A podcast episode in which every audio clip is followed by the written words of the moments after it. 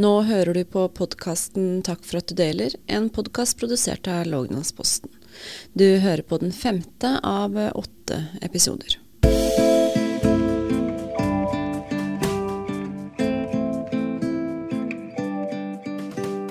Hjertelig velkommen til sesong to av Takk for at du deler. Mitt navn er Linn Kristin Djønne, og i dag så har vi besøk av Stian Sivertsen. Da jeg skrev inn navnet hans i arkivet vårt i Lognalsposten, så fins det mange hundre artikler som handler om han. Han er godt kjent langt utenfor både Kongsberg og Norges grenser som tidligere profesjonell snowboardkjører. Han har deltatt i to OL, fått medaljer i både VM og X Games, vunnet verdenscupen to ganger, fått en haug med NM-medaljer og ikke minst en kongepokal. Men det har også vært en bakside av medaljen for Stian. Først og fremst, hjertelig velkommen hit. Takk for det. Som toppidrettsutøver så er det jo relativt vanlig å slite med skader fra tid til annen. Men med deg så har det jo vært litt uh, annerledes. Ja, det er jo veldig vanlig med skader i toppidrett. Men sånn som jeg har jo sjelden skada meg. Men når jeg først har skada meg, så har jeg gjort det skikkelig. Og det er det vi skal snakke litt uh, mer om. kan ikke du fortelle hva som skjer første gangen du skader deg ordentlig? Det her er det jo mange av oss som har Eh, hørt om tidligere, og det var jo da under eh, prøve-OL i Vancouver i 2009. Hva er det du husker? Altså, det som skjer i 2009 Livet er jo på topp. Jeg er en av verdens beste snowboardkjørere. Eh, og er i prøve-OL og skal på en måte teste den løypa som vi skal kjøre OL i året etter. Eh, og ønsker å gjøre et veldig godt inntrykk. Eh, og jeg får en veldig dårlig start i det ene løpet der, eh, hvor jeg henger bakpå og gjør alt jeg kan for å ta igjen de foran. Eh, så det ender med litt lenger ned i løypa at jeg kjører kanskje litt over mine egne grenser og overhopper et hopp. da. Og går dobbelt så langt og dobbelt så høyt som jeg egentlig skulle, og landa på brystkassa. Så det er et realt eh, fall, rett og slett, da, i løypa? Ja, det er det. Og jeg husker jo fallet veldig godt. Jeg lå sånn og sveiva med hendene framover. Eh, og prøvde liksom å hente meg inn så jeg ikke skulle lande frampå. Eh, men klarte ikke det, og smalt liksom kassa og huet rett i bakken. Eh, og så reiste jeg meg opp, og så kom det en konkurrent bort til meg, og så spurte han om det gikk bra. Og så begynte kroppen å si fra at nå var det noe gærent. Jeg merka med en gang at kragbeinet var Der hadde det skjedd noe jeg hadde knekt den, men jeg begynte å få sånn svart-hvitt og begynte å se tåkete. Og så ble jeg frakta med båre ned til sånn sjukestue som de hadde under prøve-OL. Og der så de med en gang at det var kragebeinsbrudd. Og jeg hadde nok mest sannsynlig fått meg en god hjernerystelse. Så de frakta meg til et lokalt sykehus nede i Vancouver. Hvor eh, de tok bilder, og jeg var der rundt eh, åtte timer før de fikk svar på en sånn CT-undersøkelse som viste at det var noe veldig al alvorlig gærent. Men disse åtte timene når du er uh, på sykehuset, du er bevisst hele tiden, og ja. mye smerter da? Ja, jeg, jeg var bevisst hele tida. Eh, jeg klagde en del over smerter i brystet. Jeg sleit med å puste. Og jo, var jo generelt ganske forslått. Og det finnes jo bilder av meg som ligger i den sjukehussenga hvor jeg ligger og smiler. Eh, jeg var jo ganske ved godt mot, men jeg hadde nok ganske vondt inni kroppen. Mm. Eh, og det som skjer egentlig når jeg får svaret på den CT-scannen, var jo at uh, jeg ble frakta rett til hovedsykehuset i Vancouver. Og ble lagt rett inn på operasjonsbordet, hvor jeg møter da legen som skal operere meg. Som sier at uh, det her er en veldig alvorlig skade. Hvis du ikke opererer deg innen 24-48 timer, så kommer du til å blø i hjel. Og det er 80 sjanse til å overleve. Og så fikk jeg kanskje en av de vanskeligste telefonene jeg har hatt i mitt liv. Det er at eh, mamma og pappa kom på øret eh, og sier eh, det her kommer til å gå bra, Stian. Vi setter oss på første fly til Canada.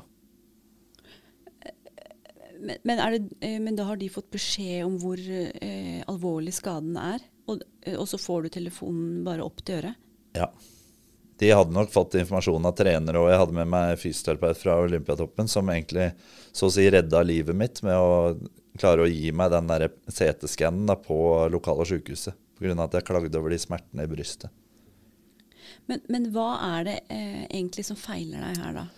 Det som har skjedd, eh, De opererer meg jo, eh, våkner på sykehuset dagen etter. Har nok ligget eh, og sovet og i noen bedøvelser. Eh, og legen forteller meg da at jeg har fått en rift på hovedpulsåra, som er en av de største årene som går rundt i kroppen. Eh, Pga. kompresjonen med det store fallet. da. At det så ut som en bilulykke. Men jeg hadde også brista nakken, ryggen to steder, bekkenet. Jeg hadde komprimert begge lungene. Jeg hadde kraftig hjernerystelse. Jeg hadde um, tatt ribbeina på venstre side, sa jeg det? Det er ganske mange ting, da. Um, så det var ikke bare kragebeinet? Nei, det var og kragebeinet. jeg glemmer det. Så det hadde de operert, da. Og så lurte de fælt på de gamle skadene jeg hadde i kroppen. For jeg hadde ett brudd i nakken og ett i hofta fra før. Som jeg ikke kjente til, da. Oi, altså det her var gamle skader som du ikke har sjekka opp i tidligere? Ja, Ikke de jeg fortalte om, nei, nei, men de men... fant noen gamle skader, ja. Mm. Også fra du har kjørt, da? Jeg har sikkert hatt noen fall og hatt, uh, hatt, det litt vondt i perioder. Så våkner du da opp på sykehuset eh, dagen etter operasjonen. Og hva skjer eh, videre da? Altså Det første jeg sier egentlig når jeg våkner, er Jeg spør jo hvor, hvor lang tid tar dette? Det er jo, Jeg skal jo kjøre OL om et år. Eller hvor lang tid er det til jeg er tilbake på brettet? da? Og Da sier jo legene da egentlig at jeg har rundt en tre måneders tid før jeg kan begynne å kjøre igjen, fordi jeg har operert hopelsåra mi. Så den trenger hvile. Eh, og jeg ble jo flydd da hjem til Norge. Eh, kommer hjem til Kongsberg og sitter eh, tre dager etter hjemkomst egentlig, så sitter jeg på bordet sammen med søstera mi, og hun lager noe middag til meg, og sånn, og pappa er ute. Så får jeg plutselig et anfall. Og så går jeg rett i bakken, blir henta med sjukebil. Eh, blir lagt i respirator på sjukehuset i Kongsberg og blir flydd med luftambulanse til Ullevål. Og da viser det seg jo at den eh, I Hopelsøra så hadde de operert en sånn kunstig eh, stent, eller stent heter det. Det er en, et kunstig rør som på en måte tetter Hopelsøra. Den hadde kollapsa. Sånn at jeg fikk eh, blod opp til hjernen og fikk to uh, store hjerneinfarkt. da. Så jeg måtte opereres på nytt, og da var jo utsiktene veldig dårlige for at jeg skulle egentlig våkne igjen, siden jeg var så svak etter forrige operasjon. For hvor lang, uh, hvor lang tid etter forrige, eller etter ulykka er det det her er, da? Det er en rundt en to uker etterpå, tenker jeg. For jeg var i Canada ganske lenge, og så ble jeg flydd hjem. Så da var det fem dager i respirator. Og de, mamma og pappa ble forberedt på det verste. at... Uh, det er ikke sikkert at de klarer å vekke meg. og jeg, Hvis de klarte å vekke meg, så var det ikke sikkert at jeg ble meg sjøl, siden jeg har fått uh, de hjerneinfarkta, som er rett og slett arr på hjernen. da. Men uh, litt tilbake igjen til når du får dette anfallet som du, du forteller om. Hva er det egentlig som skjer? Åssen er det det kjennes da? Det er et epileptisk anfall, heter det. Så det er litt det samme som epilepsi, at du, kroppen begynner å riste og vri og vrenge seg. Husker du noe fra Altså, du kommer inn på sykehuset, og eh, du blir lagt i respirator ganske kort tid kanskje etterpå? Ja, det husker jeg ikke. Altså, når jeg eh, fikk eh, de epileptiske anfallene, så tok det ganske kort tid før sykebilen var der. Jeg har noe blink fra at jeg ble henta i sykebil hjemme på gårdsplassen, og så husker jeg stort sett ikke noe fra, før jeg våkner på sykehuset. Og da har du eh, ligget i respirator? Ja. Altså etter du har ligget i Ja, det gikk, gikk ganske fort, for det var mye smerte. Eller altså, da var det jo indre blødninger i kroppen din. Ja. Eh, så det var ganske kritisk, da. Og da ligger du altså i koma i fem dager. Mm. Eh, og hva eh, husker du at du Hva er det, det første du husker etter at du våkner, da? Altså Det første jeg sa når jeg våkna, var jo Se, pappa. Pappa satt ved siden av meg. Se, pappa, der står det en kineser. Mm. Eh, for jeg hadde vært Jeg trodde Ullevål var et tempel som var forma som en rubisk eh, kube. Eh, hvor jeg fikk eh, trylleformler i huet og ræva. Og det var jo veldig dopa, da, ikke sant. Eh, men så var det Ola Nordmann som sto foran meg, da. Og det Og jeg gikk jo da rundt og sa at jeg skulle kjøre OL om under et år. Altså hvor lenge er det jeg skal kunne kjøre snowboard. Så de trodde da det klikka skikkelig for meg. Og så i tillegg så kunne jeg jo ikke gå. Nei. Så da ble jeg sendt videre til eh, Sunnaas sykehus for rehabilitering. Men, men på en måte Hvordan er liksom fatteevnen din på det, det tidspunktet her? Er det sånn Forstår du eh, alvoret av hva du egentlig eh, har opplevd, og hva kroppen din egentlig er igjennom? Forstår det nok, men fortrenger det nok også samtidig. Fordi man eh, tenker jo bare veien videre. Jeg, kropp, eller hodet mitt har alltid fungert sånn at eh, jeg veit jeg er svak nå, men hva er neste? Hvor skal vi nå?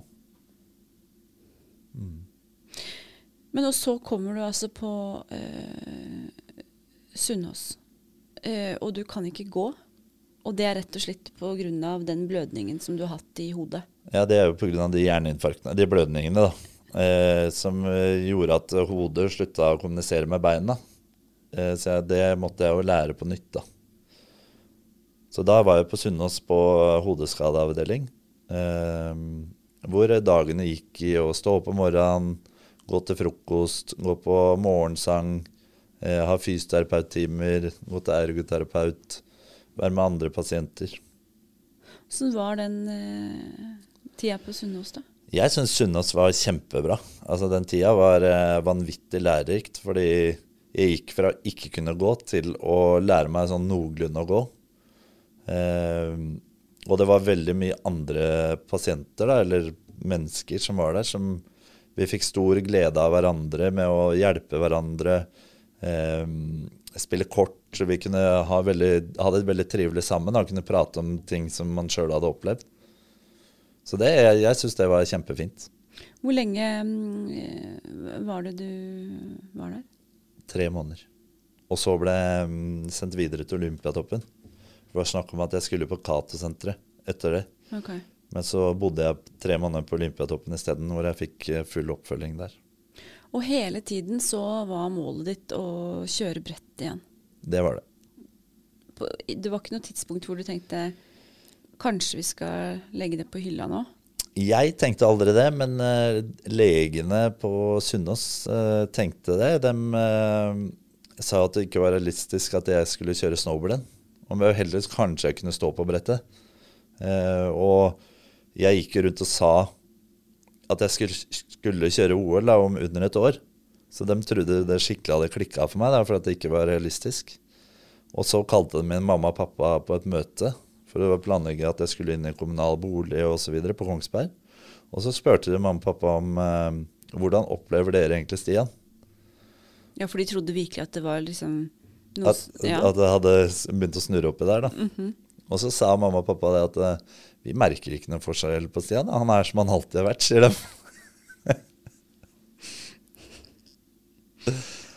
så da begynte det å gå opp et lys for legene, og så så de med framgangen som kom, da. Ja, for de må jo ha sett at det kom ganske mye framgang også på de tre månedene du faktisk var på Sunnaas? Ja, jeg ville jo veldig mye. Eh, og på Sunnaas så hadde du bare fysioterapi tre eller fire ganger i uka. Eh, som jeg syntes var altfor lite. Så jeg fikk eh, Olympiatoppen til å komme der og ha egne fysioterapitimer. Og jeg hadde my veldig mye egentrening som jeg kunne trene på forskjellige koordinasjonsøvelser. Da, for det handla jo om å lære alt mulig på nytt. Altså kom det en ball mot meg, så klarte jeg ikke å treffe den ballen. For at uh, hodet klarte ikke å kommunisere med beinet. Jeg ville alltid bomme på timinga. Å gå trapper var umulig. Å sette seg ned i en stol det krevde veldig mye av hjernen. da. Så jeg måtte gjøre veldig mye på nytt. da. Og gjenta og gjenta og utfordre koordinasjonen. Det fremstår jo nå som om at du har hatt en ekstremt uh, høy motivasjon da, for å komme tilbake. Det er naturlig å tenke at uh, kanskje de fleste av oss uh, hadde hatt en litt knekk i dette her. Men opp, du, altså opplevde du noen ganger noen perioder som du tenkte eh, jeg har aldri tenkt sånn eh, men jeg har nok eh, vært lei meg. Og har jo, det har jo vært eh, veldig vanskelige tider. Fordi du, du er jo på en måte innlagt på en avdeling med veldig mange andre som er veldig hardt skada, som kanskje ikke har like høy motivasjon. da. Så fant jeg en sånn eh, motivasjon med å motivere andre. Eh, som at de Vi hadde veldig mye felles trening eller gruppeting. Så å motivere de til å være med og delta på det, og bygge en slags lagkultur ut av det, da, ga meg veldig mye. Har jeg på en måte skjønt i ettertid, da. Og så går det jo sånn, Stian, at elleve måneder etter at du sjekker inn på Sunnaas, så står du altså på startstreken i eh, OL i Vancouver. Det gjorde jeg. Åssen var eh, den følelsen der? Altså Det var jo helt fantastisk, for jeg sleit jo fortsatt med koordinasjonen, eller uh, veldig mye av det beinarbeidet. da.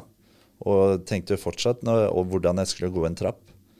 Men når du står på snowboard, så står du fastspent på beina og slipper egentlig å tenke på hvor du skal flytte de. Så det funka veldig bra. Eh, selv om jeg fikk en 24.-plass i det OL-et, og var jo ikke fornøyd med det, men da lagde jeg meg nye mål. Hva var det jeg ikke fikk til? Eh, altså rett og slett Jeg måtte finne ut de, de tinga jeg var fortsatt veldig dårlig på. Jeg kunne fortsatt ikke spille fotball. Jeg kunne fortsatt ikke bowle. Jeg var ikke så god på de freestyle-grenene med triks og sånn som jeg var tidligere. Så jeg måtte gjøre alt det jeg var dårlig på, veldig mye. For å bygge opp en eh, slags selvfølelse. For jeg klarte ikke å slippe meg helt løs når jeg sto på brettet. Selv om jeg kjørte bra, så var det noe at jeg var litt stiv i kjøringa på en måte. Men øh, var du redd når du kjørte? Det At du blir stiv i kjøringa, er jo på en måte å være litt redd, eller du blir litt sånn Eh, du holder litt tilbake. Du klarer ikke å slippe deg helt løs. Så jeg var nok det, selv om jeg trodde jeg ikke var det. Jeg hadde veldig høy selvtillit egentlig på den tida. Eh, og så fant jeg ut at jeg måtte bygge opp den selvtilliten igjen. Mm. Fordi før jeg ble skada, så var det ingenting som var vanskelig. Av koordinasjonsting, da. Ikke, det var jo ting som var vanskelig, ikke. Det var ikke det. Men eh, da var det mye mer sånn leik. Alt handla om leik. Og det var å finne tilbake den leiken da, i kroppen. Og det gjør du jo i aller høyeste grad, for at de neste åra så er du jo igjen helt i, i verdenstoppen. Uh, er det noen øyeblikk som du husker, som du tenkte Yes, nå er jeg der igjen? Det største øyeblikket i min karriere vil jeg si når jeg vant en verdenscup i Italia i 2012 når jeg endelig klarte å få tilbake respekten fra de andre utøverne. For det handler veldig mye om det. At de endelig nå kan de frykte meg igjen. Eh, fra å være en som på en måte alltid gjør det dårlig igjen, til å være på topp. da. Og da følte jeg meg som en av verdens beste snowboardkjørere, og det var en veldig god følelse. Og så eh, går det jo noen år, og så skjer det noe igjen. Du har vært og trent i Finland og begynner å føle deg dårlig når du kommer hjem. Um, kan du fortelle litt uh, hva som skjer da? Altså, her på nytt så er jeg jo helt i toppen i verden da, på kjøring, og livet leiker og smiler igjen. Og så kommer jeg hjem fra denne turen fra Finland, uh, hvor jeg begynner å føle meg dårlig på kvelden. Vært og spist noe middag, noe lammeskanke. Så jeg tror egentlig bare jeg har blitt matforgifta av den. Og legger meg til hvile. Uh, for jeg skal ut og kjøre worldcup her om en tre dager i Tyskland. Og så ligger jeg én dag, og så blir jeg liggende to dager. Og så sjekker jeg feberen, så har jeg 42 feber. Og så tenker jeg at jeg bare må sove mer, sånn at det blir bra til avreise neste dag. Da. Nå er vi på eh, Og så når jeg skal stå opp om morgenen for å dra til Tyskland, så klarer jeg ikke å stå opp om morgenen. Altså Kroppen min er helt ødelagt. Og da har du hatt feber i flere dager? Ja, ja. og 42 feber, så det er ganske mye, da. Så drar vi til fastlegen her i Kongsberg, og vi tar noe CRP, og så ble jeg sendt egentlig rett til akutten i Drammen, da. Ja, for da er CRP-en såpass høy? Ja, den var på rundt 200-300. Så det var eh, og jeg husker godt mamma kjørte meg til legevakta. Hun tok seg fri fra jobb, for hun skjønte at jeg var dårlig. Han måtte legen. Og hun kjørte meg videre da, til Drammen sykehus. og slapp meg ut på utsida av liksom, akutten der. Eh, og jeg går inn, og der er det lang kø. Eh, og så kommer det en eh, sykepleier bort til meg og spør om jeg vil sette meg ned. Og da husker jeg ingenting på to uker. Altså, da viste det seg jo at eh, jeg var såpass dårlig. Jeg hadde mm, jeg, var på, jeg fikk multiorgansvikt. Altså nyrene og milten min slutta å fungere. Så infeksjonen var så høy at den klarte å drepe det som var av eh, motstandsdyktige ting inni kroppen. Og ble lagt på nytt i respirator. I fem dager. Før jeg våkna igjen. Eller de klarte å vekke meg. Så det siste du husker, er altså at du kommer eh, eh, inn og snakker med en sykepleier, og du tenker fortsatt at du kanskje bare har spist noe dårlig lammeskank? Ja, da skjønte jeg at det her, nå er det noe gærent. Eller jeg skjønte jo at jeg var skikkelig dårlig. Ja. Eh, og jeg har veldig mye drømmer fra denne perioden. Som litt sånn halvveis virkelige drømmer. Jeg trodde jeg var amerikansk fotballspiller på 70-80-tallet. Og kjørte rundt i amerikanske biler og hadde smerter fra en annen verden.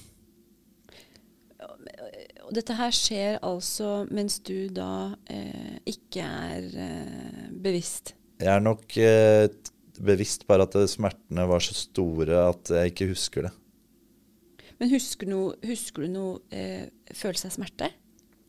Jeg husker eh, veldig godt at eh, det var vondt i hele kroppen. At jeg ikke klarte å ligge rolig. Og så var jeg en mann på 100 kg med bare muskler omtrent. Eh, så jeg hadde noen øyeblikk der hvor eh, jeg tror det var vanskelig å holde meg rolig. Ja, For du var rett og slett desperat av smerte? Jeg var helt smerte? eh, desperat av smerte. Så pappa hadde store merker på handa etter å sitte og holdt meg i handa og, når jeg hadde tatt undersøkelse. Så Men heldigvis så klarte de å vekke meg eh, fra respirator. Eh, Fem dager eh, i respirator. Da har jeg da en alvorlig infeksjon i kroppen. Som de fortsatt ikke har blitt kvitt, men de har funnet noe antibiotika som har begynt å bite. Så jeg fikk da ti liter antibiotika gjennom kroppen hver dag i tre måneder. Mens jeg lå på Ullevål. Så når du våkner opp fra igjen da fem dager eh, i koma, Ja. eh, eh, hva er det du blir fortalt da? Vet de egentlig hva som feiler deg da? Det som er eh, vanskelig, er at jeg har noen veldig kompliserte skader fra 2009, som gjør at eh, for legene på Ullevål så blir dette veldig komplisert til å helt forstå hva som er riktig. For det, det er veldig få tilfeller Eller de kunne ikke finne noen tilfeller i verden da, på det samme som hadde operert hovedpulsåra i ung alder, og så overlevde en infeksjon av den, på den graden. da. Så de har ikke så mange referanse, referanser. Nei, det, de hadde dessverre ikke det. Men det, så jeg ble jo litt forskning, og eh, de, jeg prøvde jo bl.a. å sitte i en trykktank i tre uker. Eh, så jeg satt to timer hver dag, som skal hjelpe deg å få eh, produsere mye flere hvite blodlegemer, som gjør at du restituerer deg bedre og sår og gror bedre, eh, rett og slett.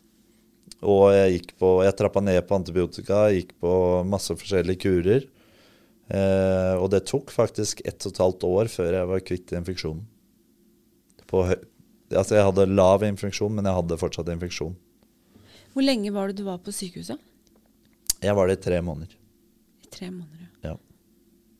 Så da var jeg på eh, infeksjonsavdelingen, der på lokka med sluser, sånn som du ser på fra koronaperioden. Så var jo folk, de første koronapasientene var jo slusa rom. På sånn isolat. Ja, det er isolat. Med sånn doble dører, og folk kom inn med drakter, og eh, lufta ble bytta ut 24, hver, eh, nei, 24 ganger i timen. Var det nye luft på rommet. Men sånn som jeg forsto det, så tok det en stund før de faktisk forsto hva infeksjonen egentlig kom av. Ja, det tok eh, ganske lang tid, fordi eh, infeksjonen hadde funnet seg en base på hovedpulsåra mi. Siden jeg har et fremmedlegeme på hovedpulsåra, så trives bakterier bedre. Eller når de først klarer å bygge seg et slags hus på, på den uh, stenten, da, så klarer de å lage en sånn hinne på utsida som gjør at eh, bakterien klarer å slippe ut eh, bakterie, eller virus, men ikke Det er veldig vanskelig å komme inn der Ja. av det fremmedlegemet. Så jeg gikk på veldig harde antibiotikakurer, da. Det var jo, jeg trappa jo ned jeg husker jeg, etter seks måneder. Og så kom jeg på apoteket og skulle ta ut de her medisinene. Så sa han eh, på, apoteket sa han, altså, Du har fått beskjed hvordan du skal bruke det her, for det her er en skikkelig hestekur. Det, det trapper ned, jeg nå. Kom, jeg hadde helt røde tenner, og jeg pissa jo rødt, og det var jo ikke måte på. Men nå er alt borte, så det er jeg veldig glad for. Um, hva er tankene dine eh, i forhold til snowboard og kjøring når eh, du går igjennom alt det her? Altså, det var jo veldig enkelt, da. Det første jeg tenkte på, var jo når skal jeg kjøre OL? Altså, nå er det i 2016, er det ikke det? 2015? Det er 2016, ja. 2016, ja. Og da er neste. OL i Sør-Korea i 2018. Ja, jeg hadde et veldig stort eh, mål om det OL-et, for jeg fikk jo en femteplass i 2014. Og jeg visste at de tegningene på den løypa i 2018 passa meg utrolig bra eh, på kjørestil. Og jeg lagde meg nye målet om å kjøre mot et OL.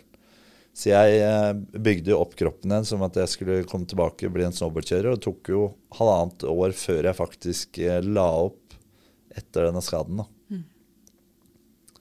Og det var eh, et veldig tøft valg, for da følte jeg fysikken var eh, veldig bra. Jeg sleit ikke med noen koordinasjonsproblemer. Og infeksjonen var borte. Men så var det mm, i samvær med familie, venner, eh, landslagstrenere og helseapparat da, som eh, hjalp meg i den retninga at eh, det var lurt å legge opp. For om jeg fikk en ny alvorlig skade, så kunne det blitt katastrofalt. da. At det tre ganger går på en måte ikke. Så jeg var ikke så enig i den avgjørelsen akkurat da. Men det tok ikke lang tid før jeg klarte å akseptere det, og at jeg ble veldig enig i avgjørelsen sjøl. For når man er toppidrettsutøver, så har man et mindset som gjør at du, du gjør hva som helst for å kunne fortsette. For det er her, det er her du har tilbringt hele livet ditt, og du veit hvor gøy det er. Så det her vil du ikke bort fra. Så må jeg bare takke alle gode venner og familie for at de hjalp meg å ta den avgjørelsen. Det var eh, en avgjørelse som du ikke hadde tatt selv da. Jo, jeg tok den, jeg, jeg tok sjøl, selv om eh, de råda meg veldig sterkt å gjøre det. Da, så tok jeg på en måte sjølve avgjørelsen tok jeg helt sjøl. Sånn nesten helt sjøl.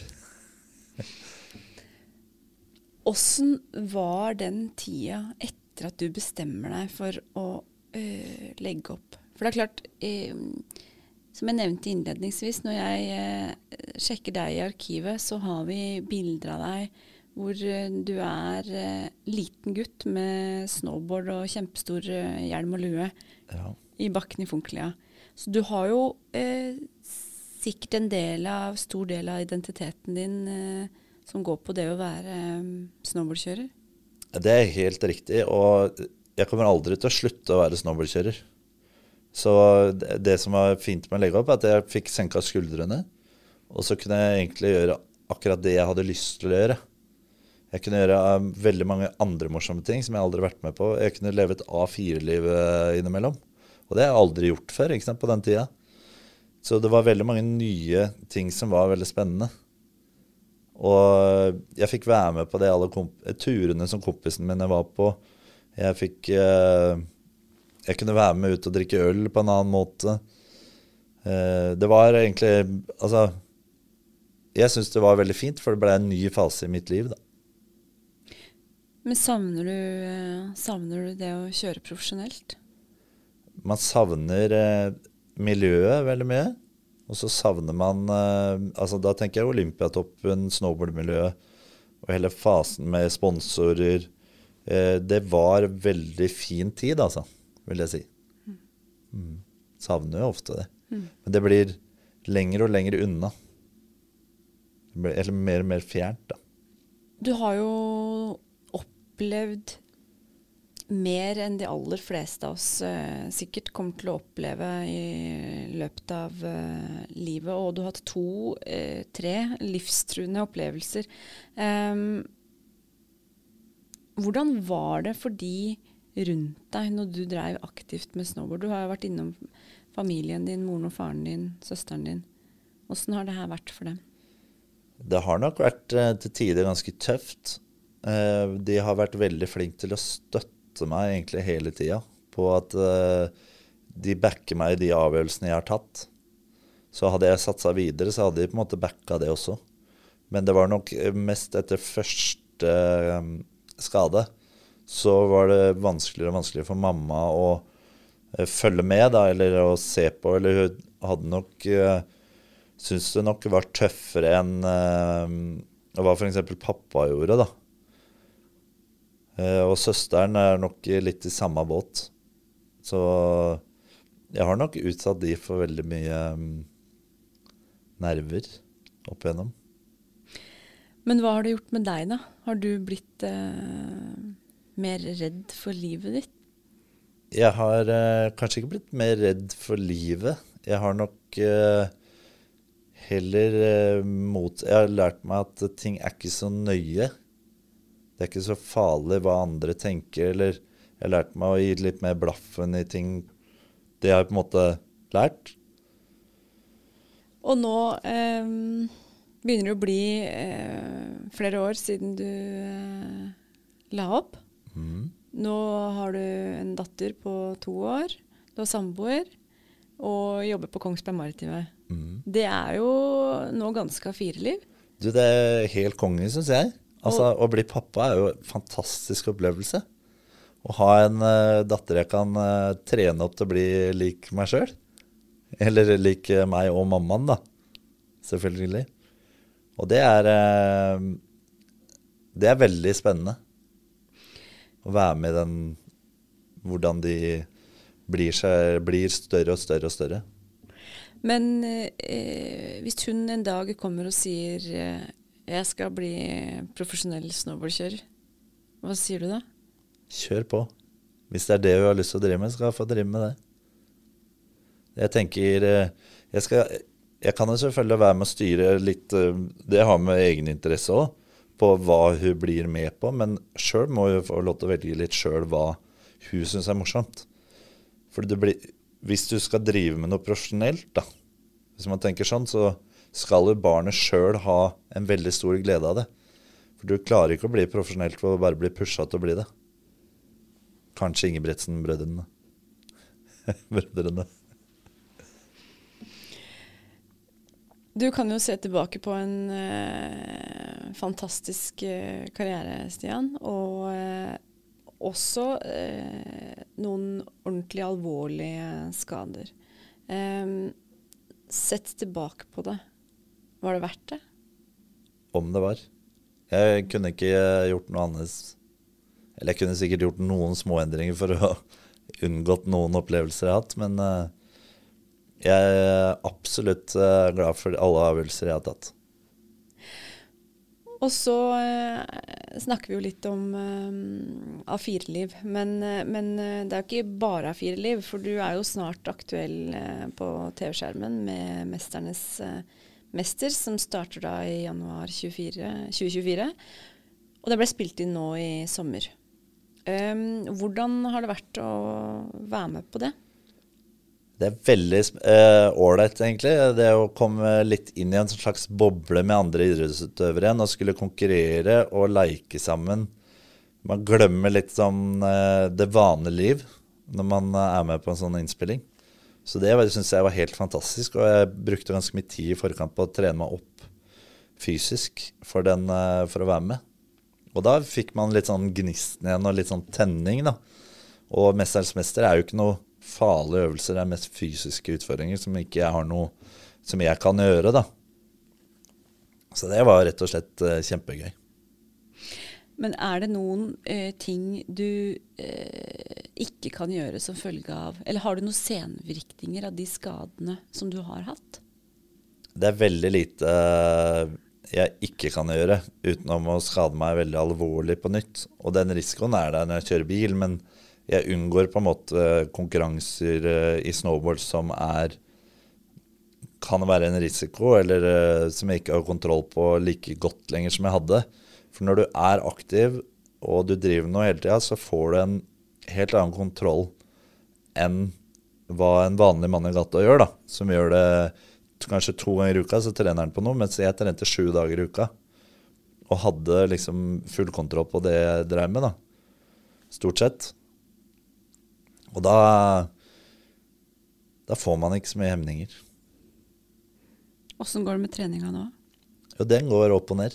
Jeg fikk en veldig boost etter 'Mesternes mester' og kom meg god sånn grunnform. Og så trente jeg på hele august. Og så dabba det litt av igjen og hadde det litt gøy. også. Så kommer det skisesongen opp til vinteren, så jeg må gå masse langrenn og kjøre masse snowboard. Stian, tusen eh, hjertelig takk for at du hadde lyst til å dele historien din med oss. Og ikke minst eh, lykke til på 'Mesternes mester'. Vi skal følge med deg på skjermen. Takk for det. Veldig hyggelig å være her.